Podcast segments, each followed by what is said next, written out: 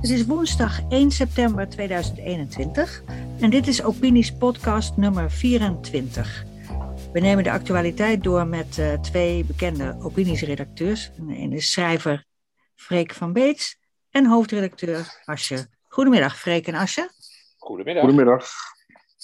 Oké, nou de actualiteit. Volgens mij, uh, Freek, heb jij net een tweet. Ja, nou, ik zag, ik zag een bericht van de NRC waarin uh, een van de NRC-redacteuren een heel verhaal heeft over de, het plotselinge verdwijnen van minister van Nieuwenhuizen naar een lobbyorganisatie toe, terwijl ze gewoon in dit kabinet weliswaar demissionair, maar toch minister is. En dan ineens op stel en sprong een andere baan neemt. de, de, de, de redacteur die, die noemt dan nog een paar namen, ook van andere bewindslieden die plotseling zijn verdwenen en vervangen zijn geworden. Maar ik miste daar de naam van Stientje van Veldhoven en dat vond ik eigenlijk net zo krankzinnig. Die ging werken bij een, uh, bij een, een, lobbyorganisatie die door uh, een van de Nederlandse departementen, ik dacht buitenlandse zaken, maar dat kan ook koninkrijken, hoe heet het, binnenlandse zaken zijn, hm. voorstuk werd gesubsidieerd. Dus ze heeft gewoon een baantje voor zichzelf geregeld en dat, dat blijft dan onbesproken. Ik vind dit, dit, dit duiventilachtige gedoe in Den Haag zo langzamerhand net zo beschamend als de duur van de, van de formatie. Ja, het is gewoon, uh, ze schamen zich er niet eens meer voor hè, om dit soort uh, overstappen te doen. Nee, het is een hele rare zaak. Ik, ik, ik, ik, ben, ik vind ook het, het, moment waarop het gebeurt heel opvallend eigenlijk. Hè. Dat ze dus, uh, blijkbaar kiezen ze er niet voor om nog een aanmerking te komen voor een functie in het nieuwe kabinet. Uh, ze gaat midden in een formatie weg die nog, nog ineens op gang is gekomen. Dus ik denk dat, dat als zij zelf voorziet dat, het geen enkel, uh, dat, dat er geen, geen positieve toekomst voor haar in ieder geval in, in het verschiet ligt in het kabinet. En misschien voor de VVD ook niet. En dat dat misschien reden is voor haar om te zeggen, nou dan ga ik, uh, verlaat ik liever het schip, schip wat helemaal gezonken is. Ja, die, die formatie die is nu 166 dagen bezig. Ja. Dus 24 weken of zo is dat, een half jaar.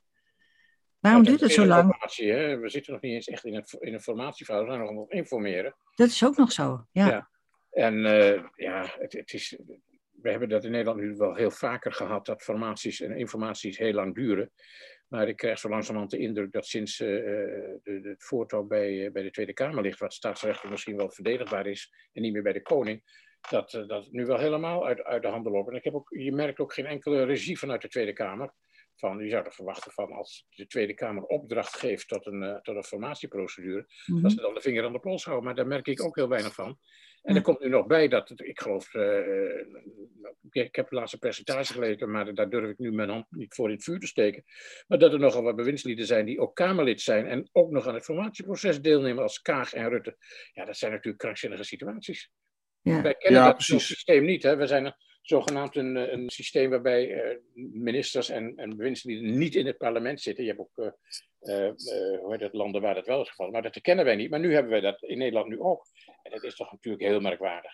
Ja, ik weet dat professor Voermans, Wim Voermans, staatsrechtdeskundige, en met nog een heleboel andere staatsrechtdeskundigen al gezegd hebben dat het absoluut niet kan dat ministers die, uh, die, die afgetreden zijn, een demissionair kabinet, uh, dan blijven ze dus demissionair aan. En wat gebeurt er vervolgens? Die worden vervangen door andere ministers die tegelijkertijd ja. Kamerlid zijn. Ja, ja. Dat dat staatsrechtelijk helemaal niet kan. En dat is ook in strijd met de, met de grondwet zelfs, waarin zegt van je kan niet tegelijkertijd in het kabinet zitten en lid van de Tweede Kamer zijn. Behalve als je demissionair bent. Als je dat al was, en de nieuwe ministers die zijn benoemd, nou, die waren niet demissionair, die zijn gewoon van, van buiten gehaald, zeg maar. Dat ja. was uh, vorige maand. Dus dat is wel een hele rare zaak. En, en ja, het gekke is dat de Kamer piept niet. Uh, niemand piept eigenlijk, uh, alleen Voermans piept. En, en zijn mensen. En verder is het blijkbaar een hele gewone zaak dat je de grondwet even schenden kan. Ja, ja. Nou ja, staatsrecht is natuurlijk uh, levend, zoals dat heet. Hè? Dat wordt elke dag als het ware opnieuw geschreven. Dat gebeurt hier nu ook. Maar het is, dit geeft allemaal wel aan dat er wel nodig is dat we in Nederland eens heel goed na gaan denken of de, de procedures die we hebben bij, de vorm, bij het vormen van een nieuw kabinet nog, uh, nog wel bij de tijd zijn. Hè? Ik las in Zwitserland doen ze dat geloof ik in één dag. In Duitsland gaat het ook heel snel. Uh, ik begrijp wel dat het Nederlands coalitiesysteem natuurlijk ook wat meer tijd vergt. En er moeten allerlei plooien gladgestreken worden. Maar wat nu aan de hand is natuurlijk een volstrekt ridicuul. Wie herinnert zich nog dat uh, Cenk Willing bezig was om, om informatie rond te breien? we hebben nu de periode van Hamer gehad. En die had, geloof ik, er nog een heel bijzondere zintuig, namelijk een derde oog, waardoor het allemaal nog veel beter zou kunnen. Het is, het is gewoon krankzinnig. We zitten in een situatie waarin partijen en personen elkaar eigenlijk niet echt mogen. en elkaar nu, ja, hoe zeg je dat, meten op, ja, op bereidwilligheid. Ik bedoel, Kaag wil per se de, de beide linkse partijen erbij. Dat wil het CDA en de VVD willen dat weer niet. Als je dat weet, ja, dan moet je dat al heel snel gaan afstrepen. En niet door, voortdurend door blijven gaan om te kijken of er misschien toch nog een, een gaatje kan worden gevonden om door te laten gaan. Maar is het niet eigenlijk zo, denk je niet dat, dat het Rutte eigenlijk wel bevalt, deze situatie? Hij is al lang uh, demissionair en hij gaat gewoon door. Ja, nee, nee, tuurlijk. Hij kan, als hij zijn zijn taak opvat als een soort CEO, als een leider van een, van een soort bedrijf. Het bedrijf draait. Ik bedoel, eh, er wordt, er wordt beleid gemaakt, er worden dingen gedaan, er worden ook dingen fout gedaan. Het gaat allemaal gewoon door. Ik denk dat de meeste Nederlanders niet eens doorhebben dat het kabinet de, demissionair is. Want je merkt er op zichzelf ook heel weinig van. We hebben dat in België ook gezien. Daar waren de commentaren toen de laatste kabinetsformatie, geloof ik, bijna twee jaar duurde. Zoiets zei van, nou, we merken niet dat we geen kabinet hebben. Het gaat nog nooit zo goed als, als nu. Ja, maar het wordt wel wordt langzamerhand wel heel beschamend inderdaad. Hè? Dat je, ja, we zeggen van we hebben een kabinetsformatie, maar ja, je kan ook zeggen we hebben geen kabinetsformatie. We hebben een soort rituele dans die al vijf en een halve maand plaatsvindt. Ja. Waar de, alle deelnemers om elkaar heen draaien, af en toe uh, een proefballonnetje uh, oplaten, dat dan weer inslikken of dat dan weer uit de lucht halen.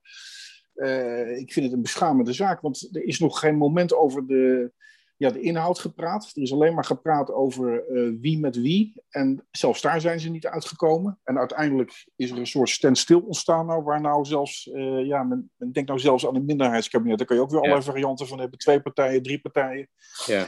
Maar ik denk inderdaad, we hebben het over Rutte gehad, hè, dat dat ook meespeelt dat iedereen zo'n beetje uitgekeken is op, uh, op, de, op de persoon Rutte, denk ik. Ik denk dat dat ook een psychologische factor is. Dat ze ja, uh, niet, niet, niet, staan te springen om, om, om echt uh, vol motivatie weer een nieuw samenwerkingsverband aan te gaan. En uh, dat, dat, dat, dat kan niet zomaar opgelost worden. Ook niet met een minderheidskabinet. Ik denk dat het tijdperk voor Rutte is nog niet voor, voorbij, maar het is psychologisch wel voorbij, denk ik. Nou ja, dat speelt vooral bij D66, denk ik. Ik heb gisteren de, de laatste peiling van, wat is het, één vandaag gezien.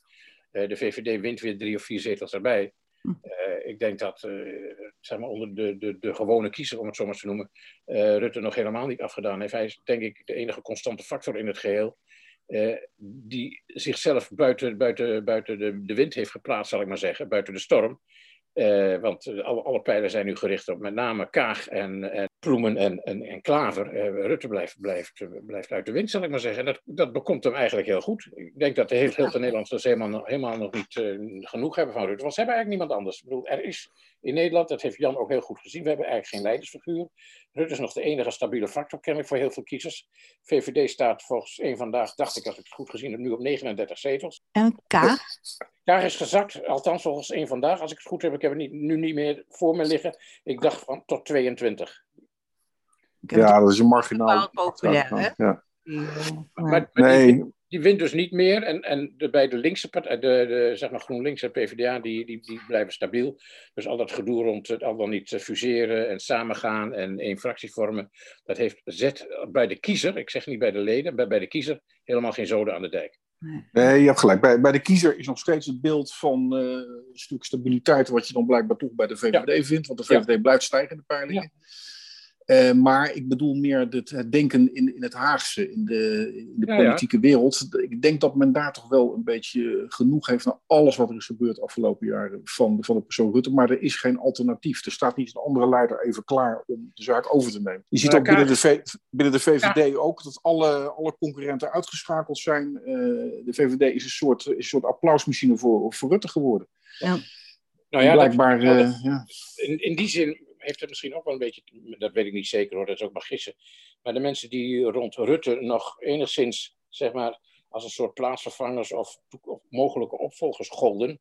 Uh, Klaas Dijkhoff en uh, Van Nieuwenhuizen, die ook, ook genoemd is als eventueel mogelijk opvolger, die zijn dus nu verdwenen. Ja. Zeg maar, on, onder de boom Rutte groeit, groeit niks. Nee, iedereen die bij Rutte verkeert, die kan, uh, kan het veld ruimen. Precies. Ja. ja.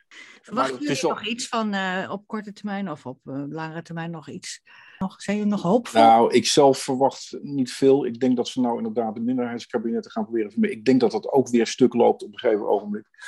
En uh, verder nog ben ik heel benieuwd naar wat uh, het effect zal worden van een verklaring die uh, Pieter Omtzigt gaat, gaat afleggen eind september. Die heeft gezegd dat hij op 24 september een verklaring gaat afleggen. En iedereen wacht toch wel, tenminste ik zelf in ieder geval, een beetje in spanning van wat hij gaat zeggen. Zal hij een nieuwe partij oprichten of niet? Of zal hij... Nou, als hij een nieuwe partij zou oprichten, dan, dan verandert dat weer het hele krachtenveld. En dan is het denk ik einde oefening voor, voor het CDA.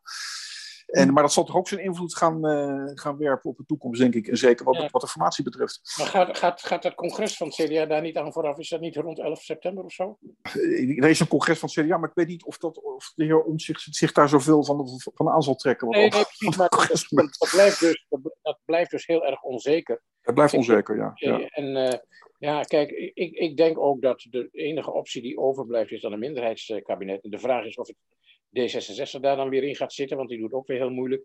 De enige les die ik hieruit leer is dat het zogenaamde nieuwe leiderschap en de, de ambities en al het gepraat van Kaag eigenlijk holle vaten zijn gebleken. Ja, ja een boel waar wat la, ja, lawaaitaal. En dat is met die nieuwe bestuurscultuur ook zo. Die nieuwe bestuurscultuur, iedereen zegt dat hij moet komen, maar hij is er niet en hij, hij, komt er niet. En waarom komt hij niet? Omdat de mensen helemaal niet, helemaal niet van plan zijn die het spel spelen om het spel anders te spelen. Waar ik de laatste tijd een beetje aan heb zitten denken is, kijk, uh, D66 is ooit omschreven als de partij van het pragmatisme. Uh, maar het is nu een, een heel sterk ideologisch uh, geïnfecteerde partij geworden. er is helemaal niks van pragmatiek bij, bij D66 te bekennen. Dat vind ik nee. wel heel opvallend.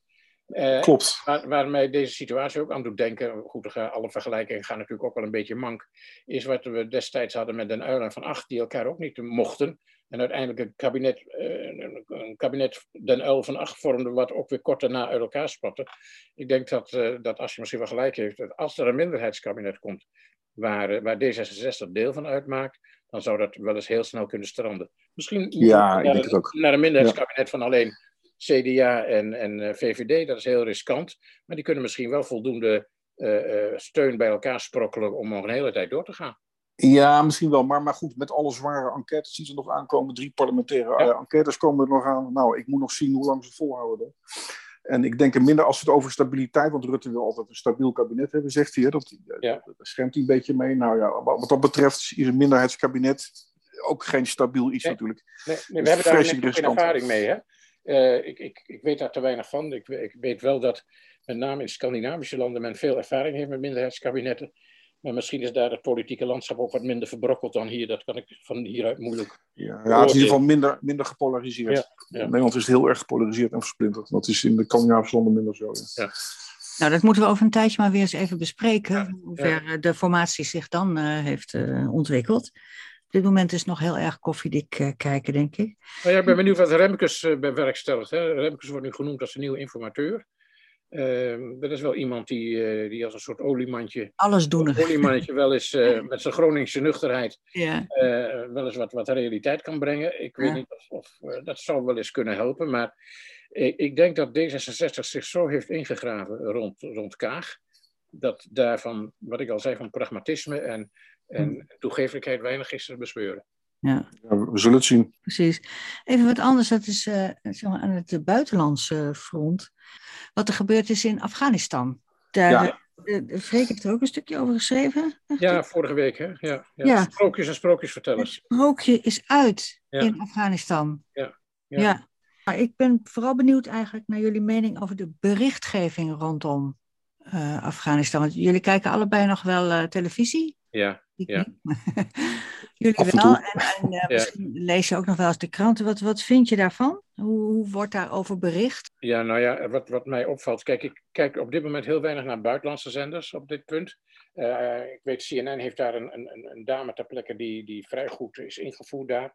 Maar wat Nederland doet is natuurlijk, ja, het is eigenlijk een beetje zielig. Dan zit er iemand in New Delhi, die mag dan af en toe iemand bellen in, in Afghanistan en zelfs een filmploegje op pad sturen.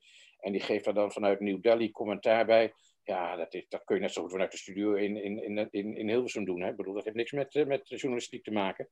Als je, daar wil, als je daarover wil berichten, moet je daar ter plekke zijn. En dat is op dit moment natuurlijk razend moeilijk. Ik zal geen enkele journalist aanmoedigen om daar nu naartoe te gaan. Nee. Maar alle berichtgeving die je daar vandaan krijgt, is gekleurd is, is, is onvolledig en we kunnen daar heel weinig mee. Ja, ik, ik, ik, ik ben het er dan mee eens. Het is inderdaad een heel raar beeld wat af en toe geschetst wordt. Ik was, laatst van de week hoorde ik op de radio een uh, discussieprogramma. Dat was ook weer over, over Afghanistan ging het. En ja, dan zitten daar deskundigen aan tafel en die hebben het dan weer over dat we toch een dialoog met de Taliban moeten aangaan. En dat dat in het kader van uh, ja, de realpolitiek, en je kan, er, je kan er niet omheen. Je moet nog even afwachten hoe het, zich, hoe het zich ontwikkelt. En de positie van de vrouw, ja, dat moeten we ook nog in de praktijk maar even zien hoe het allemaal gaat. Want ze hebben toch gezegd dat ze de vrouwenrechten zullen respecteren.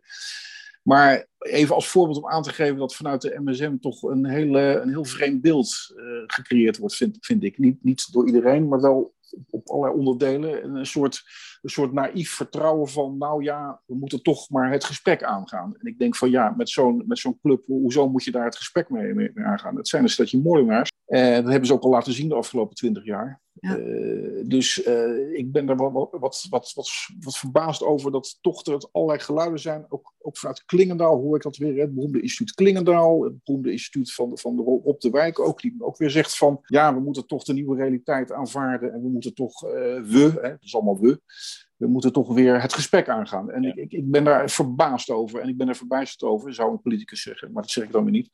Uh, maar het is, het, is, het is een herhaling van uh, zetten, een soort naïef vertrouwen. En dat blijft maar spelen in, in de hele nieuwsvoorziening. En wat vind jij dat we zouden moeten doen dan? We, nou we het toch over we hebben. Wat zouden we dan moeten doen? Nou, uh, we hadden sowieso niet hals over kop weg moeten gaan uit Afghanistan. Ik lees vandaag een tweet die ook in een stuk op opinies terecht is gekomen, of over de Woke Woensdag, wat voor hoeveel militair materieel achtergelaten is door de Amerikanen en de Britten in Afghanistan. Nou, je schrik je helemaal wezenloos.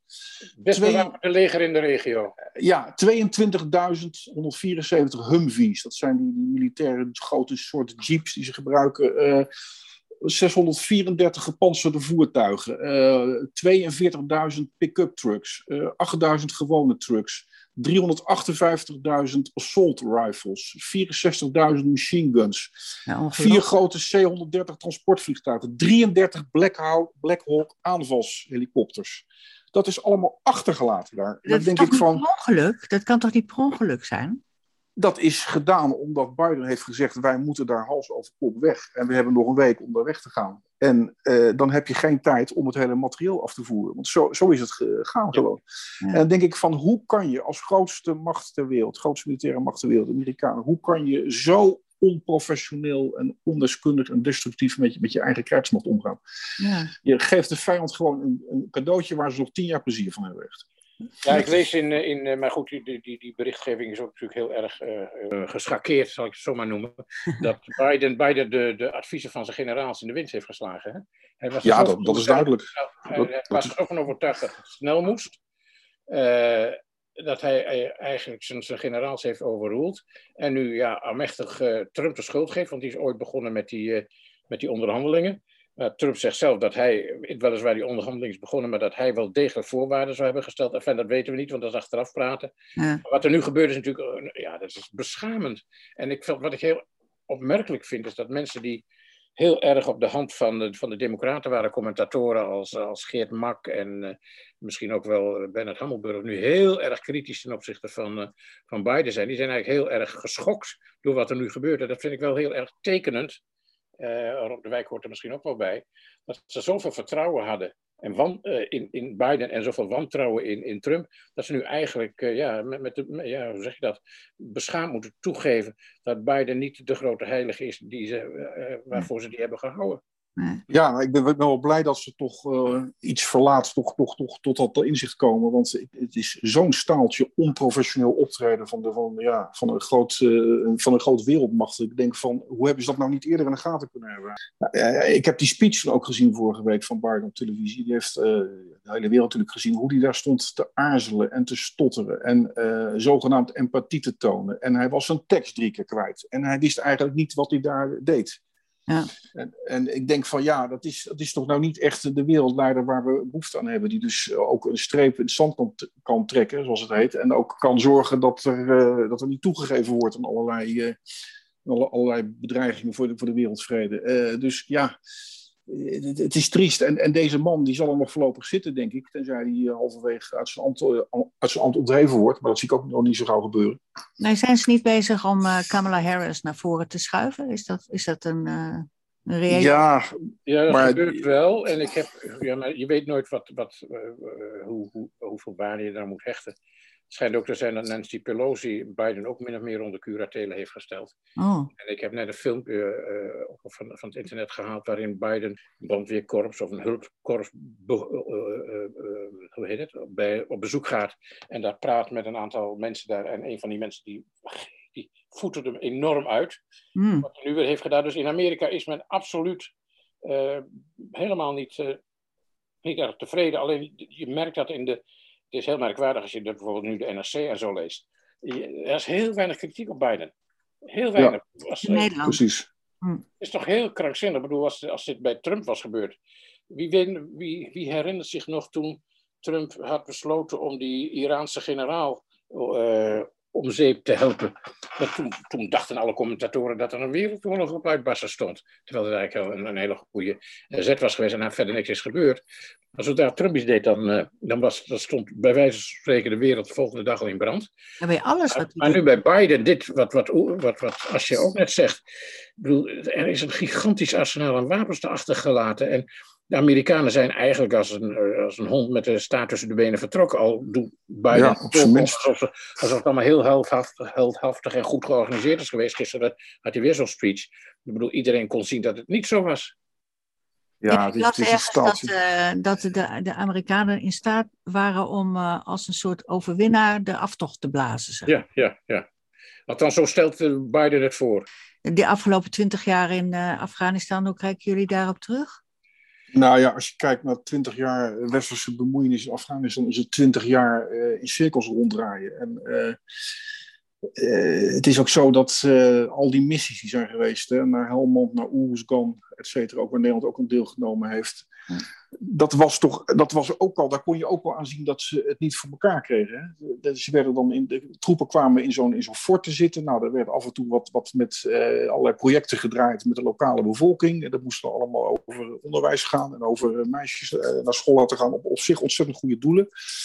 Maar even later kwam er dan weer een aanval van de Taliban, die dat hele, de hele oogst weer, uh, het hele resultaat van die activiteiten weer uh, uh, terugdraaide. Dus het was al een onbegonnen werk eigenlijk. En yeah. ik, ik weet dat 3000 jaar lang hebben, is in Afghanistan is een soort continue burgeroorlog tussen alle etnische groeperingen aan de gang. Ik weet dat de oude Grieken schreven er ook al, al over, dat gebeurde toen ook al duizenden jaren terug. En het is nog geen land gelukt om daar ja, gezag te vestigen, zeg maar. Dus dat hele westerse uh, streven om in Afghanistan orde en netheid en westerse democratie te brengen, dat was van begin af aan altijd, altijd, uh, altijd mislukken gedoemd. En dat is ja, ook gebleken. Wat, wat, wat ik, ik meen dat ik het ook in mijn artikel heb geschreven. Je kon twee dingen doen. Je kon, Bush had redenen om die grotten die daar toen waren, om die uit te roken, want daar zat Osama Bin Laden. Dan hadden ze daarna kunnen vertrekken. Op een gegeven moment hebben ze behoefte gehad om daar kennelijk te blijven. En dan moet er een doel gevonden worden. Dat is zo democratie en vooruitgang brengen. Uh, dat, dat moet je eigenlijk niet aan een leger overlaten. Maar goed, dat hebben ze toen gedaan. Maar dan moet je je wel minstens een eeuw in investeren. Dat hebben ze ook niet gedaan. Kijk, Nederland is na vier jaar vertrokken. Dat is natuurlijk helemaal uh, zonde van het geld geweest. Ja, we doen nu net voorkomen alsof we daar toch zaadjes hebben geplant die ooit tot wasdom zullen komen. Maar eigenlijk is het, dat schrijf ik ook, is het eigenlijk vergeefse moeite geweest. Ja. Ja, het is grensmoeite. En het is triest dat we daar zo lang over hebben gedaan om, ja. om erachter te komen met alle slachtoffers van, van dien die zijn gevallen. Ja, en, en hoe lang we hebben volgehouden dat we daar heilzaam werk verrichten. Hè? Dat, dat, dat, dat, dat is wat ik dan het sprookje heb genoemd. Ja. We hebben ons echt verhaaltjes voorgehouden dat we daar vooruitgang brachten. We hebben daar wegen aangelegd, we hebben schooltjes. Ja, jongens, als je een leger stuurt, dan, dan stuur je een leger om te vechten. Als je een, een, een, burgerlijke samenleving wilt opbouwen, dan moet je het anders doen. En dan moet je daar niet vier jaar voor gaan zitten. Dan moet je heel, heel, heel, heel veel langer zitten. En dan is nog maar de vraag of je dat in die context daar tot stand kunt brengen. Ja, en ik, ik, ik, las van de week ook dat de Amerikanen hebben daar meer dan duizend miljard dollar besteed aan allerlei, uh, niet, niet alleen aan militaire middelen, maar ook aan alle, allerlei ontwikkelingsprojecten daar. Duizend ja, ja. miljard dollar. Biden noemde dat, het zijn honderden miljoenen dollars per dag. Je kunt het je gewoon ja, niet ja, voorstellen. per dag. Ja, wat daar in geld in gepompt is werkelijk. En het is allemaal het zwarte gat ingegaan. En het is, er, is, er is allemaal vergeefs, vergeefse moeite geweest. Het is heel triest. Ja, heel triest is dat. Ja. Zijn er verder nog andere ontwikkelingen geweest de afgelopen weken? Nou, ik las, uh, ik las weer een, een, een, leuke, dat doe ik natuurlijk heel geregeld. Kijk ik op, op Twitter en ik zag dat, dat Jesse Klaver uh, bijzonder verontwaardigd is dat uh, de linkse partijen buitenspel zijn gezet nou in, in de formatie. Mm -hmm. En dan had hij het ook over, over weigerpolitici en over dat het, dat het een grof schandaal is. En, en toen, toen, had ik uitsluitingen, denk ik van, nou ja, dat, dat deed de burger, dat gaf mij dan weer een beetje plezier, want ik, ik, ik mag altijd heel veel plezier hebben als Jesse Klaver ergens druk over maakt. Die ramp hebben we voorkomen in ieder geval, denk ik. Dat we, ik moet er niet aan, aan denken. Ik heb ook nog over getweet dat zo'n GroenLinks dan in het kabinet zit en dan dag in dag uit loopt te hameren en allerlei woke dingen loopt te promoten en te zeuren en te zemelen. Dat, was, dat, dat, dat, nou, dat was natuurlijk wel een interessant schouwspel voor allerlei waarnemers geweest, maar dat zou, zou het land weinig goed gedaan hebben, denk ik. Dus daar ben ik wel heel erg blij om. Dat ja, GroenLinks voorlopig van de, van de baan Ja, ja. Ik, ik, heb, ik, ik, ik, neem heel vaak het citaat van Plasterk over het, uh, wat hij ooit in een, in een column in de Telegraaf zei, dat hij GroenLinks een steltje mafketels noemde. Uh, dat zal ik te pas en te onpas blijven gebruiken. Dat is een goede beschrijving, denk ik. Het mooiste vond ik laatst dat er een verontwaardigde tweet kwam van die dochter van die film, Laura, weet ze ook alweer. Bromet. Laura Bromet. Die was met, de, met de parlementaire delegatie op Bonaire, want er was interparlementair overleg met de parlementen van, van Antilliaanse eilanden. Oh, ja, ja. Uh, zij was ontzettend geschrokken van het feit dat uh, druiven, een, een, bakje druiven daar 8 euro of zoiets kostte. Ach. Ja. Het is maar wat. Ja, ja maar bedoel, dan ben je in een tropisch eiland. Ik, ik heb tien jaar daar gewoond, hè. Ik, kan me, ik heb geen enkele dag naar druiven gehunkerd, laat staan gegeten, want er is tropisch fruit in overvloed. Ik bedoel, ja. dat is toch de domheid zelf. Ja. Dat is de domheid zelf, je daar ja. druk over gaat maken ik zag van dat bezoek ook nog een, een, mooie foto van Paul Rozenmuller op het strand met de hele delegatie om zich heen. Paul Rozenmuller had een korte broek aan en hij stond met uh, allerlei hoogwaardigheidsbekleders van uh, de uh, Bonaire, geloof ik, stonden er ook allemaal bij. Ja. En toen begreep ik dat het in, in korte broek zich vertonen als politicus daar, of als, als, als iemand die namens de regering afgevaardigd is, is een soort, is een soort belediging. Dat is, dat is not done. Ja, is, nou, maar hij was de enige die in zijn korte broek daar stond. Toen moest nou, ik ook wel weer de lachen. Ik heb er echt staartjes van meegemaakt. Ik weet de, dat Tom de Graaf is een tijdje minister voor Koninkrijksrelaties geweest. Uh, toen hij de trap afdaalde in, uh, op Sint Maarten voor zijn eerste bezoek aan, aan Sint Maarten, kwam hij in spijkerbroek en loszittend hemd de vliegtuigtrap, oh, terwijl alle hoogwaardigheidsbekleders in stemmig zwart en donkerblauw met stropdas op stonden te wachten. Dat was echt een grove belediging. En dat ja. hebben de Nederlandse politici en ambtenaren heel vaak gedaan hoor. Ik weet nog dat de Antilliaanse pers zich ook ontzettend uh, opwond, of hoe zeg je dat, verontwaardigd was over het feit dat minister Spies, van mevrouw Spies, die nu burgemeester van Al van der Rijn is, die is ook nog een tijdje minister van Koninkrijksrelaties geweest, die liep daar drie dagen lang in dezelfde jurk rond. Kijk, dat, dat kan natuurlijk niet. nou ja, dat soort dingen, dat blijkt dat ja. we absoluut uh, geen, geen idee hebben van uh, uh, in de wereld toe gaat eigenlijk. Nee, nee, nee. Ja, ja. Nou, laten we ons daar vrolijk over maken. Dan hebben we in ieder geval nog een vrolijke week met al dat nare nieuws uit Afghanistan en dat gesukkel in Den Haag met de formatie. Dit was de podcast van Opiniescom opinies met een Z, voor de nieuwste bijdragen en columns over politiek en maatschappij in binnen- en buitenland. Het is helemaal gratis